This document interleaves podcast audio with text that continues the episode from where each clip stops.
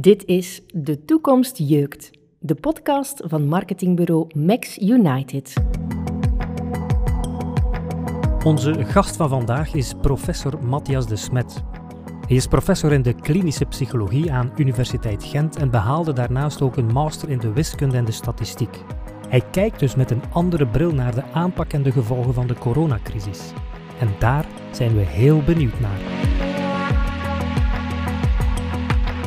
Terwijl ik hier nog de laatste technische zaken aan het klaarmaken ben voor onze podcast, is professor De Smet uh, zich in onze bergruimte aan het omkleden. Hij is namelijk met de fiets gekomen en uh, blijkbaar heeft hij ondertussen 40 kilometer in de benen dus wat opfrissing was welkom. Nu, ik ben een beetje nieuwsgierig om hem te leren kennen. Ik heb hem eigenlijk wat onder dwang, onder dwang van mijn dochter, eh, leren kennen toen eh, ze mij verplichtte om eens te luisteren naar een, um, een interview dat hij gaf in De Nieuwe Wereld met Maurice Dekkers waar hij zijn visie gaf over de aanpak en de gevolgen van de coronacrisis en de massavorming, de angstcultuur die daarin heerst. Ik moet bekennen dat ik een beetje met gemengde gevoelens naar dat interview heb geluisterd. Hoofdzakelijk ook omdat, oké, je kan analyses maken, maar je staat er ook altijd de vraag van, ja, wat doe je daar nu mee? En ik hoop eigenlijk met deze podcast, los van de analyses, ook tot een aantal besluiten, tips, adviezen te kunnen komen die we als ondernemer kunnen toepassen. Ik zie ondertussen dat Matthias de Smet er klaar voor is. Professor Matthias de Smet, ik heb gezien dat u met de, met de fiets bent gekomen. En ik hoorde de naam de Smet, dus ik dacht even, dat is een West-Vlaming, maar dat is niet het geval. Wel, ik ben van West-Vlaanderen afkomstig, maar ik ben nu uitgeweken tot uh, vlak over de grens met Oost-Vlaanderen. Dus uh, ik uh, woon eigenlijk in een klein dorpje in de Leijenstreek bij Nevelen, in Meegem. Klinkt en, heel mooi en aantrekkelijk. Het is ook een, een echt landelijk rustig dorp. Mm. En ik kan naar Kortrijk komen, langs het jaagpad. Ja. Waarom niet? Hè? Het is een perfecte vorm van beweging op een late herfstdag. Je kwam de voorbije maanden regelmatig in het nieuws, zowel in België als in Nederland, vanwege jouw kritiek op de aanpak van de coronacrisis.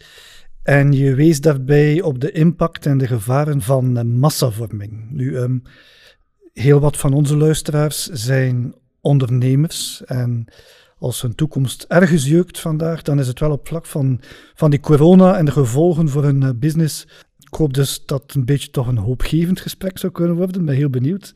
Heb jij als wetenschapper, als klinisch psycholoog, veel voeling met die ondernemerswereld? Ik kom zelf uit een zelfstandige milieu. Dus in dat opzicht heb ik al wat voeling met, eh, met ondernemen, denk ik. Uh, maar uh, beroepsmatig nu, in mijn academisch werk of in mijn werk als psychotherapeut, uh, is dat toch eerder beperkt. Laten we even teruggaan naar wat ik nu de mooie tijd noem voor corona. De economie draaide toch op volle toeren. Er was wel Trump, Erdogan en de brexit die voor wat jeuk zorgde. Eigenlijk kon niemand vermoeden dat we enkele maanden later plat zouden liggen door een, door een virus.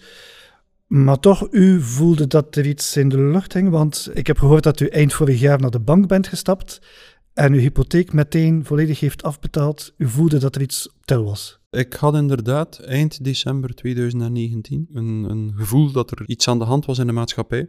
ik vind dat altijd wel merkwaardig dat mensen zich nu precies slecht herinneren dat de periode voor de crisis, de jaren voor de crisis, misschien, misschien in het bijzonder de maanden voor de crisis, dat die eigenlijk al in een heel slechte sfeer baden. We zagen in het uh, halfjaar voor de crisis dat werkongeschiktheid door psychisch lijden spectaculair toenam.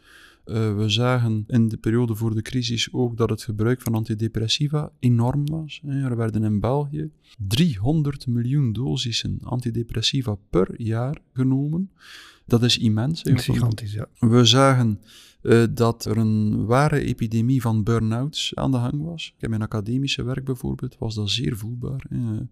Uh, vlak voor de coronacrisis was ik voorzitter op een doctoraatsverdediging en toen ik s'avonds met de juryleden ging eten, dus eh, een zestal professoren, bleek aan tafel dat er maar liefst drie van hen het laatste half jaar een burn-out hadden gehad. Dat toont hoe epidemisch burn-out was. Ik, heb, uh, ik ben redelijk goed op de hoogte van de mathematische kant van complexe en dynamische systemen. En ik weet dat als een complex en dynamisch systeem, onze maatschappij is eigenlijk een complex en dynamisch systeem, uh, dat als een aantal negatieve parameters daarin exponentieel gaan stijgen, en dat dat complexe systeem, of de maatschappij in dit geval, eigenlijk naar een kantelpunt toe gaat. Dat betekent dat de stress en de spanning in het systeem zo hoog oploopt dat je mag verwachten dat het systeem een soort schok zal krijgen en naar een ander evenwicht toe zal tenderen. Hebt u dat zo aan uw bankdirecteur ook duidelijk gemaakt, dat dat de motivatie was? Ik heb daarover gesproken. Die man uh, vroeg mij uh, waarom ik in godsnaam mijn hypotheek wilde afbetalen. En uh, ik heb we hebben een anderhalf uur gebabbeld. En ik besef dat het afbetalen van de hypotheek niet noodzakelijk een zeer logische stap is. Ook niet als je verwacht dat er een uh, crisis zit aan te komen. Maar toch had ik ergens het gevoel van, kijk, ik, ik wil mij van die verplichting ontdoen. Ik wil zo los mogelijk in het zadel zitten, want ik verwacht dat uh, onze maatschappij uh, door echt zwaar weer zal gaan. En eigenlijk zie je, denk ik, is dat wel, wel je ziet, de coronacrisis. Ja, je hebt dat natuurlijk aan de ene kant een virus, waarvan het nog altijd onduidelijk is hoe gevaarlijk het virus op zich nu precies is. Mhm. Maar daarnaast heb je een zeer uh, krampachtige maatschappelijke reactie, die op zich toont dat er in de maatschappij zeer veel spanning en angst aanwezig was. Maar toen zagen we ook in die periode, het virus brak uit, er waren effectief een aantal mensen die ook wel wezen op dat er iets zou gebeuren. En die zagen zelfs die crisis in eerste instantie een beetje als een soort kans op een soort uh, vernieuwing. Zag je ook een, de crisis als een kans? Ik denk dat een crisis altijd een kans inhoudt, ja. Uh, je ziet dat bijvoorbeeld zeer goed op individueel vlak. Naast mijn academisch werk ben ik ook psychotherapeut. En uh, mensen melden zich vaak aan in mijn uh, praktijk als ze in een bepaalde crisis zitten. En uh, je ziet inderdaad dat die crisis vaak in zekere zin, dat is een soort shock die nodig is, of die de persoon ook doet beseffen dat hij niet verder kan, kon gaan zoals hij bezig was. Mm -hmm. En ik denk ook wel dat het op maatschappelijk vlak hetzelfde is. In onze maatschappij was er eigenlijk op psychologisch vlak zo slecht aan toe uh, en we modderden maar verder aan. Hè. Eigenlijk hebben we dat nooit echt au serieus genomen. Je ziet dat bijvoorbeeld als je beseft dat iets als psychotherapie nog altijd nauwelijks terugbetaald werd, mm -hmm. dat geen enkele psycholoog eraan wilde deelnemen, uh, dan besef je dat, dat er weliswaar veel lippendienst bewezen werd aan psychotherapie, maar dat er weinig maatschappelijke inzet was om werkelijk iets te veranderen. Hè. Dus ik denk dat inderdaad de, een crisis breekt uit op het moment dat er in een systeem waar de, de, een bepaalde toestand ondraaglijk is geworden en waarin er dus inderdaad een verandering moet gebeuren. Je moet natuurlijk opletten, uh, heel vaak leidt een crisis in eerste instantie tot een verandering in slechte zin. Ja? Ja, heel vaak. En je ziet dat meestal, ook, ook, ook individueel. Hè. Mensen gaan heel vaak in een crisis aanvankelijk de verkeerde richting uit. Eigenlijk vallen ze terug op een aantal strategieën die rechtstreeks afkomstig waren uit een verkeerde visie. Ik geef soms het voorbeeld, dat is een, iets wat simplistisch. Iemand die aan alcohol verslaafd is en een pijnlijk hoofd heeft, door de avond ervoor te veel te drinken, lost dat op door nog meer te gaan drinken. Mm -hmm. En uh, ik denk dat dat in, in, de meeste crisissen ook zo is. Hè. Men, mm -hmm. men, grijpt zich nog harder vast. Iemand die perfectionistisch is en die echt lijdt onder zijn perfectionisme, probeert altijd maar weer zijn onbehagen aan te pakken door de zaken nog perfecter te doen. Ja. Dus uh, kunnen wel veel, kunnen veel voorbeelden nemen, ook als maatschappij, denk ik. Uh, lopen we zeker dat gevaar. Onze maatschappij was reeds voor de crisis op het verkeerde pad. In vrijwel elk interview wijst professor De Smet het gebrek aan zingeving als boosdoener aan. Dat vraagt om wat toelichting. Je hebt het heel vaak over het gebrek aan zin, zingeving. Mensen die hun job niet zinvol vinden. Wat mij als werkgever en als met ondernemers die ook luisteren, toch wel zeer integreert. U verwijst daar ook naar de bullshit jobs. Hmm. Dat is wel een, een van de thema's waar je toch wel eens druk durft te maken. Hè? Ik denk het ook. Wel, ik denk, het, dat klopt, kan je het zo zeggen. Uh, dus bullshit jobs, inderdaad. Uh, ik, heb een tweetal jaar geleden het boek gelezen. De naam van de auteur ontglipt mij altijd en ook nu weer. Grijber? Grijber? Ja, is mogelijk. Dus er, er blijken veel mensen te zijn die eigenlijk uh, moeite hebben om zin te vinden in hun werk. en dat in beide betekenissen van het woord zin te vinden in de zin van er plezier in te vinden, er hoestingen te hebben in het werk. Aan de andere kant het ook als een betekenisvol iets te zien. Uh, dat geldt voor veel mensen. Hè. Dus, en het is vooral mm, de ervaring van zinloosheid die het leven eh, lastig tot zelfs ondraaglijk maakt. Mhm. Eigenlijk denk ik dat voor veel mensen het leven vroeger harder was. Hè, dat men op een bepaalde manier harder moest werken en ook werk moest doen dat uh, minder comfortabel was. Uh, maar eigenlijk is dat niet wat werken echt ondraaglijk maakt. Je ziet dat mensen aan sport doen, de meest uitputtende sporten beoefenen, omwille van het plezier dat ze daarin vinden. Dus de ondraaglijkheid van het leven komt niet zozeer door de hardheid ervan of door de last ervan, maar het komt door het gebrek aan zin dat men erin vindt. ik denk dat, dat we eigenlijk vooral op dat punt moeten afvragen. Uh, hoe komt het dat zoveel mensen het moeilijk hadden om het gevoel te hebben dat hun leven betekenisvol of zinvol was? En ik denk dat die vraag zal zeker uh, leiden tot een bevraging van ons algemeen mens- en wereldbeeld, denk ik. Hè. Dus mm-hmm. uh, eigenlijk, sedert de verlichting of in, of in de moderniteit, zien we de mens als een nogal eenzijdig als een biologisch organisme. terwijl dat eigenlijk uit wetenschappelijk oogpunt een voorbijgestreefd iets is. Uh, uh, je kan de mens niet begrijpen, zelfs niet in zijn lichamelijke functioneren, op basis van de wetten van de biologie of de mechanica, of, of niet alleen mm -hmm. op basis daarvan. Bijvoorbeeld, hè, om maar een, een zeer toepasselijk voorbeeld te noemen, het verloop van een virale longinfectie. dat kan je niet op biologische gronden alleen begrijpen, verre van. Hè. Je ziet bijvoorbeeld dat uh, de mate van stress een enorme invloed heeft op het verloop van een uh, longinfectie. Dat is iets merkwaardigs. Het zijn in het bijzonder longinfecties, virale longinfecties, die zeer gevoelig zijn voor stress. Dus um, uh, in muizenpopulaties zie je dat de mortaliteit met 40% stijgt als ze onder stress staan, onder zware stress. Dat is, 40, dus de dodelijkheid van een longvirus ligt 40% hoger in een populatie muizen die onder stress staat, in vergelijking met een populatie muizen die niet onder stress staat. En gelijkaardige observaties, getallen, cijfers werden er gevonden bij mensen, maar dan niet op een experimentele manier, maar op een uh, naturalistische manier. Dat, dat is eigenlijk het punt dat u wil maken ook, dat de angstcultuur die nu ja. heerst, dat die ervoor zorgt dat eigenlijk de gevolgen van dat virus veel groter zijn dan dat ze zouden kunnen zijn. Ja, in alle gevallen, dergelijke wetenschappelijke bevindingen worden nu te veel vergeten. In alle gevallen ze zouden, ze zouden dergelijke uh, bevindingen er moeten toe leiden van voorzichtiger om te gaan met de angst. Nu lijkt men eenzijdig in te zetten op angst. Angst valt vaak niet te vermijden, maar je moet wel opletten wat je ermee doet. Je is dat dan vanuit politiek punt of media? Of, of? Politiek, de media, ja, de, eigenlijk de Hanse maatschappij slaagt er niet in we zijn er als groep voor verantwoordelijk, denk ik, als maatschappij in zijn totaliteit. We slagen er voorlopig nog niet in om uh, de mens, of menselijke gezondheid bijvoorbeeld, als een veel complexer iets te zien waar psychologische factoren een wezenlijke rol in spelen. Mochten we dat beter beseffen, zouden we voorzichtiger omgaan met angst. Ik zeg het nog eens. Je kan niet vermijden dat er op bepaalde punten angst mm -hmm. optreedt. Angst is niet onder alle omstandigheden slecht, maar het inzetten op angst, het voortdurend aanjagen van angst, zoals er nu gebeurt, is roekeloos nefast en getuigt van gebrek aan kennis en gebrek aan besef van de invloed van angst op het verloop van virale infecties. En eh, als je angst aanjaagt, dan moet je zorgen dat je mensen ook in de juiste richting probeert te bewegen daardoor. En, naar mijn oordeel zou het hier veel beter zijn om mensen te waarschuwen. Dat is ook een vorm van angsthantering. Te waarschuwen van, kijk, het virus is vooral dodelijk voor, wie, voor iemand wiens algemene gezondheid niet oké is. Hè? Dus mm -hmm. probeer te zorgen dat je misschien wat vermagert. Probeer te zorgen dat je misschien uh, op een gezonde manier uh, je dia diabetes onder controle krijgt. Hè? Dat is eigenlijk vanuit wetenschappelijk perspectief uh, wellicht logischer dan, uh, dan puur proberen mensen in hun huis te houden, te isoleren, voortdurend hun handen te laten ontsmetten. Maar misschien ook veel minder haalbaar. Misschien hebben mensen ook wel nood aan heel concrete dingen als een mondmaskertje en de handen ontsmetten. Daar kun je, heb je het ja. gevoel van ik doe nu iets. Het wordt natuurlijk veel vager en, en complexer ook natuurlijk als je misschien dan mensen gaat adviseren van kijk, die is te dik en die is... Ja, ik zou dat ook niet doen. Eerlijk ja. gezegd, ik zou dat niet doen.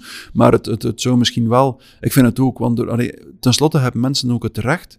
Mensen moeten niet gestigmatiseerd worden. Ja. Mensen hebben het recht om het leven te leiden dat ze willen leiden. En als iemand zegt van, kijk, ik zie het niet zitten om minder te gaan eten. Voor mij is eten belangrijk, genieten belangrijk. Voor mij is roken belangrijk. Voor mij is drinken belangrijk. Ja. Dat moet een verantwoorde keuze zijn van iedereen. Over het algemeen zou je mensen wel kunnen zeggen van kijk, je moet beseffen dat je vatbaarder bent voor een virus als je op bepaalde punten je algemene gezondheid niet zo goed verzorgt. Dat kan. En ik denk ook in dat opzet, ik zou meer pleiten om het, om te stoppen met uh, reclame maken voor ongezonde voeding, dan een te sterk gezonde voeding te gaan propageren. Ik, ik vind dat een, een volledig andere zaak. Maar het is wel een feit dat we op veel punten nu ongezonde levenswijzen promoten. Ja. Daarvan zouden we ons kunnen afvragen, dat zouden we misschien beter achterwege laten. Hè. Maar het te sterk een soort propaganda gaan voeren voor gezondheid, ik, ook dat leidt weer te veel naar een focus op het biologische, het lichamelijke, en uh, miskent te veel dat het leven uh, veel meer is dan, uh, dan je lichaam gezond houden. Hè. Dus het leven is soms een risico durven nemen. Het leven is soms eens durven genieten. Het leven is zin zoeken in het leven, op alle vlakken. Maar die zin zoeken, dan kom je natuurlijk heel sterk ook bij het werk terecht. En ik denk nu ook aan, aan de ondernemers, die, en dat voel ik toch wel, heel veel inspanningen leveren, of toch de meesten de laatste tijd, om het werk aangenaam te maken, ook wel zinvol te maken voor hun medewerkers. Nu, de studies waar u naar verwijst, uh, bewijzen eigenlijk het, het, tegendeel, dat dat niet het geval is. Dat lijkt mij een beetje contradictorisch toch, hè? dat uh, als je ziet de tijd die er vandaag is, hoe, hoe flexibel werkgevers omgaan met de medewerkers, hoe ze proberen ze te betrekken bij, bij zaken. Wat kan een ondernemer dan eigenlijk nog meer doen dan die zaken mogelijk maken? Ik denk dat ondernemers hun best doen. En ik denk ook wel dat er uh, de laatste ja, decennia, mag je bijna zeggen, of het laatste decennium toch op zijn minst echt een stijgend besef was dat er iets verkeerd was, of dat er moest gezocht worden naar manieren om het leven werkelijk aangenaam te maken. Aangenaam is een verschil met zinvol. Ik denk dat zinvol nog iets anders is. Ik denk dat sommige levens worden als zinvol ervaren en zijn niet aangenaam. Sommige levens zijn zeer aangenaam en worden niet als zinvol ervaren. Dus mhm. ik denk dat er daar een verschil zit. Zin vinden in het leven is iets anders dan puur een soort uh, hedonisme, dan puur een soort uh, voldoening of, of genot vinden in het leven.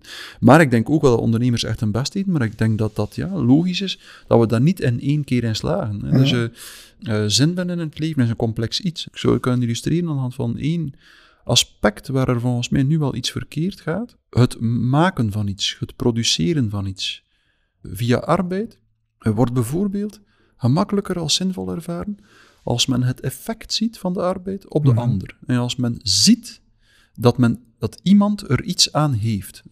Landbouwers, zou je kunnen zijn, vroeger, de ketting tussen degene die het voedsel produceerde en, de, en degene die het gebruikte, was veel korter vroeger. In veel mhm. gevallen zag de landbouwer de voldoening uh, bij degene aan wie hij zijn landbouwproducten gaf. Nu worden de groenten vaak geproduceerd aan de andere kant van de wereld die we opeten. En is er dus geen enkel contact meer tussen de producent en de consument.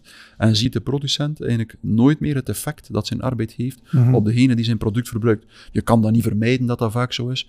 Maar als dat te ver gaat, zoiets, is dat iets dat inderdaad een, een bepaald soort zin onttrekt aan het arbeiden. Dus het is voor iedereen prettig als hij ziet dat er iemand iets geeft aan hetgeen eh, de mens doet. Anders loop je nog eens naar het risico dat arbeid psychologisch armer wordt. In de zin van dat het eh, op de duur iets is inderdaad van ja, ja oké, ik verdien er geld mee. En mijn bureaustoel is misschien ook wel comfortabel en, ik, en de werkomstandigheden zijn misschien wel goed. Maar toch die diepere voldoening van het gevoel de, de zin van het gevoel van, kijk, voilà, wat ik doe, helpt een ander. Een ander is er blij mee. Ik zie het op de ander zijn gelaat. Hè. Uh, uh, ontbreekt gemakkelijk wat. Hè. En, en, daar zit je echt bij psychologische mechanismen. Hè. Een van de bronnen van, van het ervaren van zin is letterlijk zien hoe de gelaatsuitdrukking van de ander uh, een, een, uitdrukking van tevredenheid aanneemt. Van als we kind zijn, spiegelen we de gelaatsuitdrukking van de ander. Ja. En ervaren we een soort blijdschap als we uh, de ander zijn gelaat in een blijde uitdrukking zien. En dat is een, een, zeer primair psychologisch mechanisme. Uh, uh, het is veel complexer en veel ruimer dan dat. Ik wil vooral zeggen, denk ik, dat we zinverlening niet te simplistisch mogen zien en dat we moeten aanvaarden dat we wel echt decennia zullen op zoek zijn naar het veranderen van de toestand waarin we nu zitten. naar, het, naar, het, naar een zinvoller leven, een zinvoller visie op het leven, een zinvoller mens- en wereldbeeld. Ja. Maar dat, is, dat is een heel moeilijke opdracht. Hè. Als ik zie hoe dat bedrijven nu rond, hè, maar heet dat nu de why, hè, waarom doen we bepaalde dingen, wat is onze toegevoegde waarde ook maatschappelijk, hè, dat, dan zien we toch wel dat dat sterk op ingespeeld wordt. Maar anderzijds, mochten hier nu ondernemers rond de tafel zitten, dan ben ik er zeker van dat ze zouden zeggen, ja, maar Uh, vandaag zoeken ze vaak die, die, die zingeving buiten het werk en maar wel na het werk ook nog gaan sporten, maar wel op reis gaan, maar wel zeker toch die film gezien hebben, maar wel naar dat festival gaan. En eigenlijk, dat werk is een noodzakelijk kwaad geworden. Ik herinner mij ook mijn vader destijds, die ging werken, die kwam thuis en die, die kon zijn zin vinden in zijn werk, maar er was ook niets naast, hè, die, die rustte. Vandaag horen we heel vaak dat medewerkers bijna komen rusten op het werk, om dan in het weekend voluit te kunnen gaan. Het is een heel complex iets om, om mensen dan toch op een bepaald moment die, die zingeving te geven. Begrijp je dat wij dan machteloos, ja, als ondernemers ja, ja, een beetje machteloos Absoluut, absoluut, absoluut, absoluut. En ik denk dat we ook moeten opletten. Hè. Het is een gedeelde verantwoordelijkheid. We mogen niet ja, die verantwoordelijkheid eenzijdig bij de ondernemer leggen, bij de, bij de leidinggevenden. Totaal niet. Hè. Uh, natuurlijk, hè. mensen, zoals je zegt, ja om zin te vinden op het werk, moeten mensen het ook voor een stuk daar zoeken. Mhm. Ik persoonlijk zoek zin op mijn werk. ik, ik, ik vind de zin daar ook wel een stuk. Um, ik ben er ongelooflijk blij om. Ja, ik denk dat het zeer jammer is als mensen uh, inderdaad het werk als een soort noodzakelijk kwaad nemen en hun voldoening daarbuiten zoeken. Ja. ik denk ook dat dat iets is dat onvermijdelijk tot een soort onbehagen leidt, eerlijk gezegd. Ja. Uh, Langs beide kanten. Langs beide kanten, natuurlijk, ja. De mens wordt nu eigenlijk zoveel zaken ontnomen waar hij vroeger zijn voldoening in zocht of zijn plezier in zocht. Kan niet meer op reis gaan, kan niet meer op restaurant gaan, kan niet meer naar de cinema gaan. En toch laat hij zich dat zonder al te veel protest afnemen. Ook dat toont, denk ik, dat, dat het leven voor de coronacrisis uh, niet alleen ons werken, maar ook onze manier van genieten, mhm. dat we het een stuk beu waren. Ja. Ik heb bijvoorbeeld de laatste weken al regelmatig iemand horen zeggen, ja, die avondklok, uh, ambetant met dezelfde tijd, je zit wel altijd op tijd in je bed. Hè? En het toont voor mij ook van, ja, de mens was ook zijn manier van genieten zo langzaam wat beu aan het raken. Ja. De, de, reisjes en het uitgaan. En uiteindelijk, eh, dat is ook een typisch iets, hè, uiteindelijk verlangt men bijna naar een dictator die zegt van, en nu ga ik je verbieden om op bepaalde manieren te genieten. En dus ik denk dat we ook dat ons toont, dat eigenlijk de crisis uh, ons noopt tot een veel fundamentelere bevraging van onze manier van leven, van onze manier van werken, maar ook onze manier van genieten. Ja. En van ook bijvoorbeeld dat inderdaad voor mij gigantische probleem, dat voor veel mensen het werk niet langer iets was waarin men zin vond en misschien nog meer, zoals je zegt, zelfs zin zocht. Men zocht er zelfs geen zin in. Ja. Het was meer een middel tot een doel, een middel om dan te kunnen op reis gaan en zo. Dat is, ik vind dat ongelooflijk jammer. Ik kan toch niet acht uur op een dag bezig zijn met iets dat puur middel is om een doel te bereiken. Uh, ja? Zin vinden in het leven is een echte opgave. Ja. Dat is een echte opgave. Dat veronderstelt bijvoorbeeld dat men durft risico's nemen, dat men dat veronderstelt van alles. Mijn laatste boek gaat daar eigenlijk voor een groot stuk over. Hè. Hoe mensen altijd op de meest risicoloze manier zekerheid zoeken in het leven. Ja. En hoe dat hen belet om op hun eigen manier invulling te gaan geven aan hun leven, om hun mhm. eigen ding te doen in het leven. Aan de ene kant kan je ervan uitgaan dat een job vrijheid moet bieden en dat mensen hun job op een creatieve manier moeten kunnen invullen uh, en dat ze er dan zin zullen in vinden. En dat klopt, denk ik. Hè. Het is mhm. maar het is iets zinvolheid heeft veel te maken ook met zelf iets kunnen creëren, eigen keuzes maken, uw eigen ding doen, uw eigen product maken. Maar we mogen niet vergeten dat dat ook precies iets is dat lastig is. Hè? dus, uh, creatief zijn, uh, uw eigen ding doen, uh, brengt een eigen verantwoordelijkheid mee, keuzes brengt, maken, brengt een bepaald eigen risico mee. En dat moment van voldoening, dat komt maar na zeer lang zwoegen. Hè? En dan vind je echt van, voilà, inderdaad, dit heb ik gerealiseerd, dit draagt mijn eigen stempel, dit is mijn product en daardoor besta ik als mens, als mens die keuzes maakt. Zonder twijfel. Hè. Dus Einstein had er ook een mooie uitspraak. Hij zei, ja, aan wetenschap doen, zei dat is 99% transpiratie en 1% inspiratie. We moeten niet naïef zijn. Hè. Het is niet omdat een ondernemer kansen creëert en vrijheid geeft, uh, dat men die kans gaat gebruiken om effectief creatief te zijn en aan de slag te gaan. Dus ik denk dat dat echt uh, zinvolheid gaat samen met willen weerstand overwinnen in het leven. En dan zeggen we, wacht, ik ga inderdaad proberen een eigen product te creëren, een eigen, mijn eigen inbreng te leveren. En dan, hè, op termijn, ik, als ik in mijn eigen leven kijk, uh, wat, ik heb net gezegd dat ik uh, de zin zoek in mijn werk. En dat klopt. Maar ik heb ongelooflijk lange en veel moeilijke jaren gehad. Hè, op mhm. alle vlakken. En als je psychologie begint te studeren, heb je echt de kans dat je ten eerste, ja, enfin ja de kans dat je professor wordt bijvoorbeeld is uh, gigantisch klein. En zelfs als je professor wordt, dan nog echt onderzoek doen dat, waarvan je het gevoel hebt van voilà, en ik loop niet gewoon mee met de, of ik praat niet gewoon mee met de dominante stroming, Mhm, maar ik mhm. spreek naar mijn eigen oprechte, beste vermogen, breng ik mijn eigen verhaal, ja, daar voel je veel weerstand toe. Ja. En dat, dat is lastig. Hè. Lao Tse zei het al. Wie bij de bron wil komen, zei je, moet tegen stroom opgaan. En dat is zo. hè. Er is Ja. geen andere. Als je bij jezelf wil komen, bij de bron van je eigen wezen, dan gaat je voortdurend weerstand moeten overwinnen. Mhm. En veel mensen kiezen het omgekeerde. Wie bij de bron wil komen, moet tegen de stroom ingaan. Met zijn visie en uitspraken over de aanpak van corona vaart ook professor De Smet tegen de stroom in. Maar hoe komt het toch dat de wetenschap zo verdeeld is? In de kenniseconomie van de 21ste eeuw zou die wetenschap toch voor houvast moeten zorgen?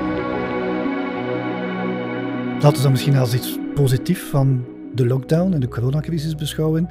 Mensen zijn verplicht van plotseling op de pauzeknop te duwen en gaan misschien beter nadenken over wat ze zinvol vinden, wat ze waardevol vinden en wat voor de rest wat gewoond of soms een beetje sociale verplichting zou kunnen zijn, dat ze daar keuzes in gaan maken.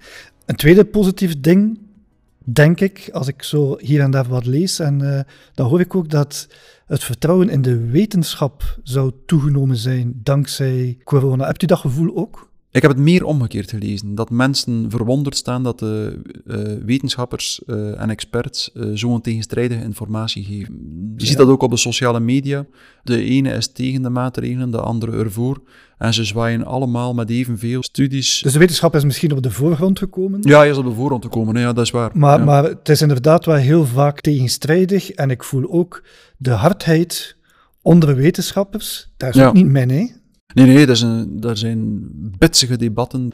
Eh, ja, en dat, eigenlijk, eigenlijk dat het probleem van de wetenschap zit eigenlijk al veel langer in een impasse. Hè. Dus, in 2005 is er in de wetenschappen de zogenaamde replicatiecrisis losgebarsten. Dat was eigenlijk een crisis naar aanleiding van het feit dat plots bleek dat wetenschappelijke publicaties enorm veel fouten bevatten, dat er in een betreurenswaardig hoog percentage de besluiten eigenlijk eh, eh, ja, serieus verkeerd zijn.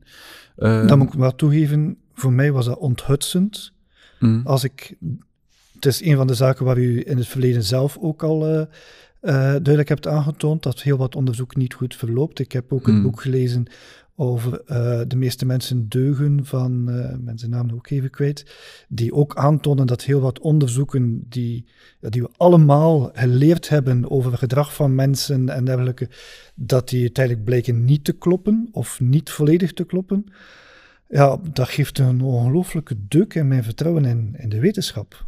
Net op het moment dat ik het nodig heb. Ja, wetenschap zit in een crisis. Hè. Eh, en, en, en eigenlijk, voor mij is het de coronacrisis op veel vlakken gewoon een verderzetting van de replicatiecrisis in de wetenschappen. Hè. Je zag eigenlijk direct ook, dat is zeer vreemd, de informatie die in het begin van de crisis verstrekt werd, alle cijfers omtrent de gevaarlijkheid van het virus en zo, die rammelden langs alle kanten. Hè. Dus de mortaliteit werd eerst veel te hoog ingeschat. En ik heb naast een diploma in de psychologie ook eentje in de wiskunde, in de statistiek. Ik heb een master in de statistiek gedaan ook. En ik ben daar voor mijn, ik ben mijn- voor mijn doctoraat ook veel bezig geweest met eh, eh, de crisis in de wetenschappen. En ik zag in een oogopslag dat veel van de publicaties verkeerd waren. En het was enorm opvallend dat dezelfde auteurs die de crisis in de wetenschappen onderzocht hebben, dat ook een aantal van die auteurs direct de vinger in de lucht staken en waarschuwden eh, dat er in de coronacrisis gelijkaardige fouten aan het gebeuren waren. Ja. Dus, dus inderdaad, eh, dat dat aan de ene kant toont dat de wetenschap in een soort impasse zit. En eigenlijk, als je dan historisch gaat kijken, zie je dat het grootste deel van de wetenschappers nog altijd binnen een soort oud en in veel opzichten achterhaald wetenschapsbeeld functioneren. En dus eh, eigenlijk zie je dat sedert de 19e eeuw, maar vooral in de tweede helft van de 20e eeuw, dat wetenschap meer en meer tot het besluit is gekomen dat de werkelijkheid intrinsiek irrationeel is en dat we die nooit volledig logisch kunnen begrijpen. En dat de wetenschap op een absolute limiet botst van wat er kenbaar is. En dus, dat is bijvoorbeeld in de meest letterlijke zin eh, verwoord door eh, Werner Heisenberg, een fysicus die dus de Nobelprijs gekregen heeft voor zijn onzekerheidsprincipe, waarmee hij precies aantoonde dat zelfs de bestudering van de materie, eh, dat, die, dat, die, dat je daar nooit zekerheid kunt over hebben. Je kan bijvoorbeeld nooit de lokalisatie, de plaats van een deeltje kan nooit precies bepaald worden. Er zijn altijd meerdere mogelijkheden. En Multatuli had gelijk. Multatuli had gelijk. Niets is zeker en zelfs dat niet. Ik vind dat een schitterende uitspraak. En dus inderdaad, hij had gelijk. En je kan dat veel duidelijker zien. Op, Heisenberg zei dat over een klein deeltje. Maar je kan dat op, op een veel concretere manier zien uh, op andere punten. hoor. Ik ben er nu trouwens net een artikel over aan het schrijven. Over de fundamentele onzekerheid van wetenschap. We onderschatten dat allemaal. En, en eigenlijk, een deel van wetenschappers poneert nog altijd cijfers en metingen alsof dat een soort absolute objectieve gegevens zijn, terwijl dat, dat is eigenlijk een achterhaald iets. En je hebt een andere stroming in de wetenschap, complexe en dynamische systeemtheorie bijvoorbeeld, en ook de, in de wiskunde ook, de niet-Euclidische meetkunde, die eigenlijk uitgaat van een fundamentele onzekerheid. En die eigenlijk gezegd heeft van we moeten echt uh, op een totaal andere manier aan wetenschap doen. Dat is zo boeiend en zo interessant, maar, maar jammer genoeg ja, moeilijk om in 1, 2, 3 samen te vatten. Ja. Ik denk dat de crisis uh, ook die functie zal hebben om uh, de maatschappij en de wetenschap definitief in dat andere spoor te loodsen. In, het soort, in een ander soort wetenschap. Zie je daar al beweging in die hoopgevend is? Ten eerste, de grote ontdekkingen zijn gedaan. De voorlopers hebben die, die moeilijke stap al gezet. Die hebben ja. uiteindelijk de bevindingen in de kwantummechanica zijn de meest bekende, maar eigenlijk ook de meest ontoegankelijke. Niemand van ons kan concreet gaan observeren hoe kwantumdeeltjes zich gedragen. Uh, er zijn zeer goede video's rondgemaakt die dat mooi tonen, maar toch, we kunnen dat niet zelf observeren. Maar in de complexe dynamische systeemtheorie zijn er uh, fenomenen die zich in heel toegankelijke dimensies afspelen, zoals turbulentie en zo, maar ook het druppelen van kranen, uh, alle soorten uh, natuurlijke fenomenen die je direct kan observeren en waarin men kan tonen van kijk, je kunt nooit, zelfs als je die fenomenen, de formule in je hand hebt die die fenomenen bepaalt, kunt je ze toch geen seconde op voorhand voorspellen hoe ze zich gaan gedragen. Dat wordt deterministische onvoorspelbaarheid genoemd, dat fenomeen. Maar dat soort wetenschap bestaat al, maar de mens klampt zich nog altijd enorm vast aan die oude illusoire wetenschap, die geloofde dat de wetenschap met zekerheid dingen kan beschrijven en op termijn ook ons leven volledig gaat kunnen sturen en voorspellen, die ons gaat een, een meesterschap geven over de natuur en zo. Je mag dat vergeten. Hè. Dus, dat, dus dat, DNA, uh, CRISPR en dergelijke, daar gelooft u niet in dat dat ooit zo de determinerend zal zijn van hoe dat we als mensen evolueren. Nee, nee, nee, nee, nee, nee, nee, nee, Men gaat dat, dat is als met een zelfrijdende auto. Dat lukt goed om hem 95% zelf te doen rijden. Na zeer veel moeite misschien 99%, maar er is altijd 1% dat aan de controle ontsnapt en dat 10% zorgt dat het totaal ondoenbaar is. En dus, en dat is, met de mens gaat dat nog veel meer zo zijn, want de mens is een veel complexer en dynamischer systeem. Er zijn nu een aantal mensen die de oplossing verwachten van een soort biometrische data die men uh, over iedereen inwint, uh, waardoor men gaat kunnen voorspellen wie er besmet is en wie niet besmet is en met alle soorten algoritmes gaat kunnen berekenen, bij wijze van spreken, wat de beste manier van leven is. Je mag dat vergeten, gaat alleen maar tot veel miserie leiden. ja, maar ja, ja, binnen 20 jaar hebben we dan de strijd. Oh, het gaat zo lang niet duren. Ja.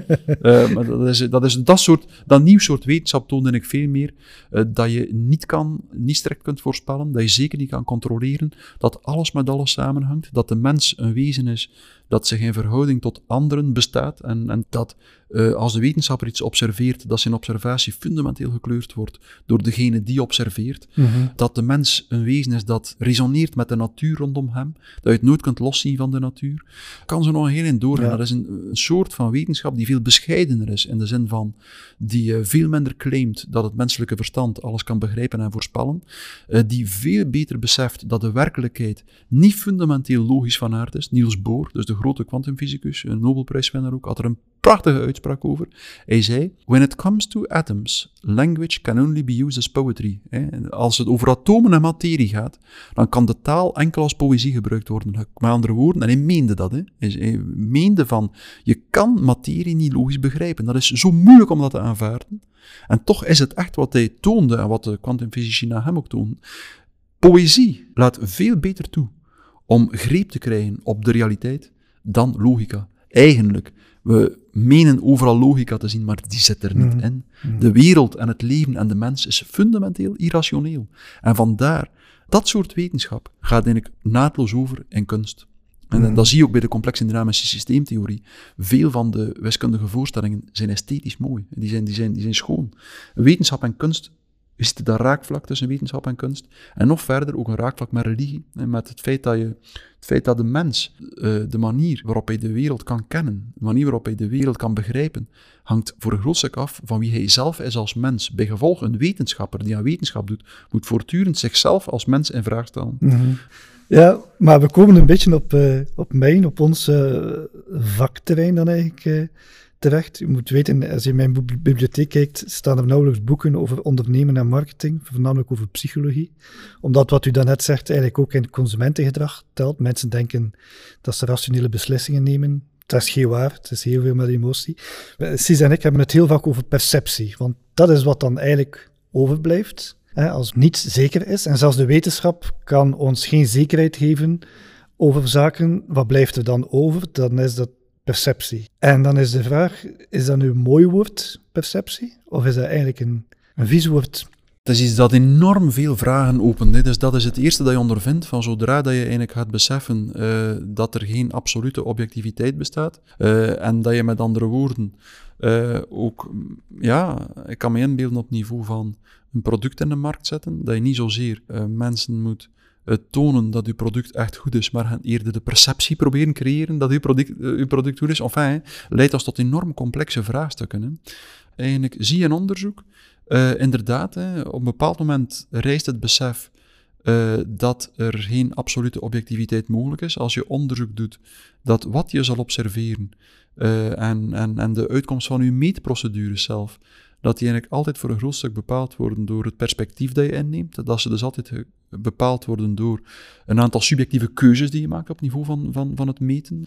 Um, dat leidt er inderdaad toe dat je op, op, eerste instantie zei van ja, maar ja, hè, wat ik ook doe, ik kijk eigenlijk altijd in de spiegel. Wat ik zie, dat zijn eigenlijk mijn eigen subjectieve voorkeuren. Hè.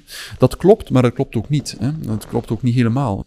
Er is ook zoiets als een object waarvan dat je kan veronderstellen dat je het nooit helemaal kunt kennen, maar waar je toch zo goed mogelijk kunt naar luisteren. En waar je toch kan mhm. zeggen van wacht, hè, ik ga toch mijn best doen om mezelf een klein beetje buitenspel te zetten. En ik besef dat wat ik ga zien van dat object, dat dat altijd een stuk gekleurd gaat blijven. Maar toch ga ik ook zorgen dat ik ook echt een soort ruimte maak om dat object op zich ook wat te laten spreken. Dat is eigenlijk in het leven, eh, eigenlijk ook zo denk ik in elk contact met een ander mens. Je kan beseffen van hoe ik die ander ervaar, de besluiten die ik trek omtrent die ander, het beeld dat ik mij opbouw over die ander, dat gaat altijd een stuk, dat gaat altijd een stuk mijn eigen subjectieve voorkeuren uh, reflecteren.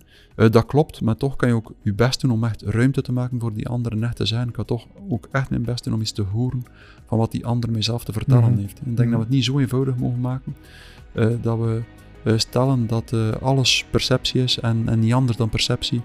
en dat alles subjectief is en niet, ander dan, en niet anders dan subjectief. Het is alweer een mix van heel veel ja, facetten. Ja, ja, ja,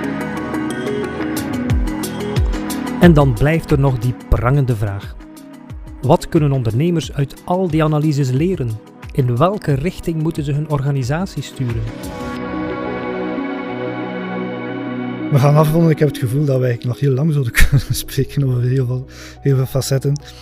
Um, misschien om af te ronden, uh, ik denk nu terug aan de luisteraars. Oké, we zitten volop in deze coronacrisis.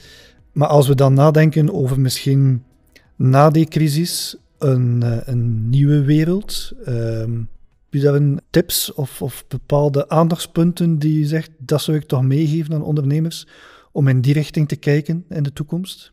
Ja, dat is een goede vraag. Ik leg er zelf mee in de knoop.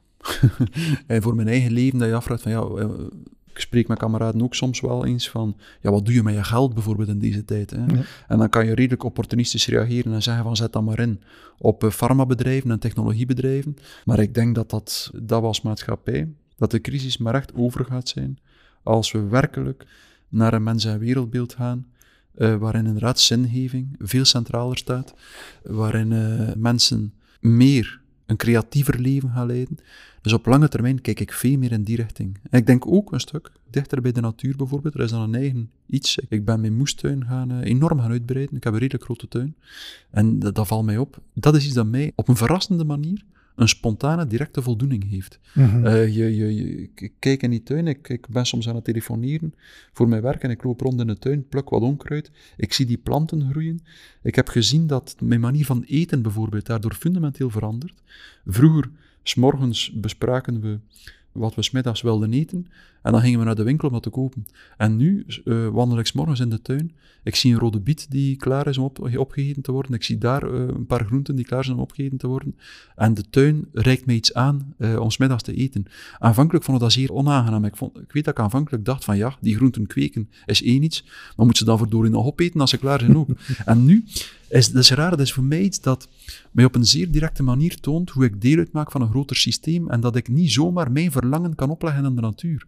Ik moet, ik, ik, ik moet meeleven met de natuur en ik kan het een stukje opleggen, ik kan de natuur een stukje in een andere baan leiden, maar de natuur leidt mij ook een stukje in een baan. Dat is iets raars. Dat is zo één voorbeeld van, ik geloof op langere termijn in een toekomst waarin de mens uh, creatiever onderneemt, waarin hij kleinschaliger onderneemt, eigenlijk geloof ik daarin. Waarin hij de afstand met de natuur, ja, niet nul wordt, dat is een zeer romantisch idee, ik ben ervan verlost uh, door uh, toen ik een goede twintig jaar was, regelmatig eens de wildernis in te trekken en op survivaltocht te gaan. Als je daar een paar weken in zit en je zit 10 kilo vermagerd, dan is die romantische idee van leven in de natuur voor weg. Ik, dat viel mij om, al mijn, ik en mijn kameraden, dat viel ons allemaal op van zodra je in Canada in de wildernis zit, ziet dat er veel minder romantisch uit. Uh, uh, en en uh, dus ik denk niet dat de mens, de mens moet, kan niet helemaal in de natuur leven, maar we staan er nu al te ver van. En dat is, ja. dat is iets dat, dat, ik echt geloof. En dus ik zou, mijn hoop zou zijn naar de mensen toe, onderneem niet op, puur opportunistisch, op korte termijn, maar echt denk goed na over wat op echt langere termijn is er een fundamentele oplossing voor de problemen die we nu ervaren. Hoe moet onze maatschappij evolueren? En hoe lastig het ook is en hoezeer je ook tegen de stroom moet invaren daarvoor, onderneem in die richting. Echt, mm onderneem op een richting die het leven zinvol maakt. En ik pleit daarvoor niet voor een, uh, een of andere politieke partij. Wie dat er mij kent, weet dat ik mij weiger om mij tot één politieke partij te bekennen. Echt niet. Uh, ik, ben, mm. ik doe ook helemaal niet mee aan de klimaathysterie. Ik heb die niet nodig gehad om met mijn fiets overal rond te rijden en om redelijk rekening te houden met de natuur. Ik denk wel uh, dat we met dat ondernemen gaan niet duurzaam gebruiken. Maar het moet echt aansluiten bij een werkelijk het wezen van de mens en bij een zinvol bestaan een zinvolle existentie als mens. Ik hoop echt dat ondernemers in die richting durven ondernemen. Uh, en ik denk dat ze dan misschien op korte termijn het zeer moeilijk zullen hebben, of veel weerstand gaan ondervinden en weerstand gaan moeten overwinnen, maar op langere termijn met echte voldoening terugkijken op hun leven en echt beseffen dat zij in de moeilijkste periode die de maatschappij van de verrichtingen, misschien zelfs gans onze westerse cultuur, al doorgemaakt heeft, want dit is het begin van de moeilijkheden, dat mhm. geloof ik echt op korte termijn, dat zij in die periode een deel van de oplossing zijn geweest. Uh, en niet uh, het probleem nog groter hebben gemaakt door opportunistisch mee te surfen op de golven die nu ontstaan uh, in deze crisis. Ik denk dat dat mooie woorden zijn om deze podcast mee af te sluiten. En misschien op die manier ook wel het antwoord bieden op dat andere vraagstuk. Hoe kunnen we onze medewerkers ook motiveren en niet het gevoel geven dat ze een bullshit job hebben. Hmm. Als zij het ook het gevoel hebben dat ze binnen die onderneming meebouwen aan datzelfde verhaal, hmm. dan zal dat wel voor een zinvolle invulling uh, zorgen, denk ik ook. Maar ik u heel hartelijk bedanken voor uh, dit gesprek. En ja, wie weet, binnen x aantal jaar kunnen we samen eens terugblikken op deze periode. Ja. En zien wat de gevolgen, wat de balans is die we dan kunnen maken. En hopelijk kan ik dan een en ander illustreren met ondernemers die effectief op een zinvolle manier nieuwe wegen zijn uh, ingestapt. Dat zou prachtig zijn. Het is uh, graag gedaan, alleszins, en ook bedankt om mij mijn verhaal te laten.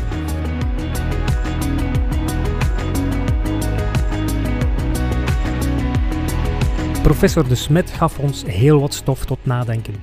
Zin om dat samen te doen? Je weet ons te vinden op maxunited.be.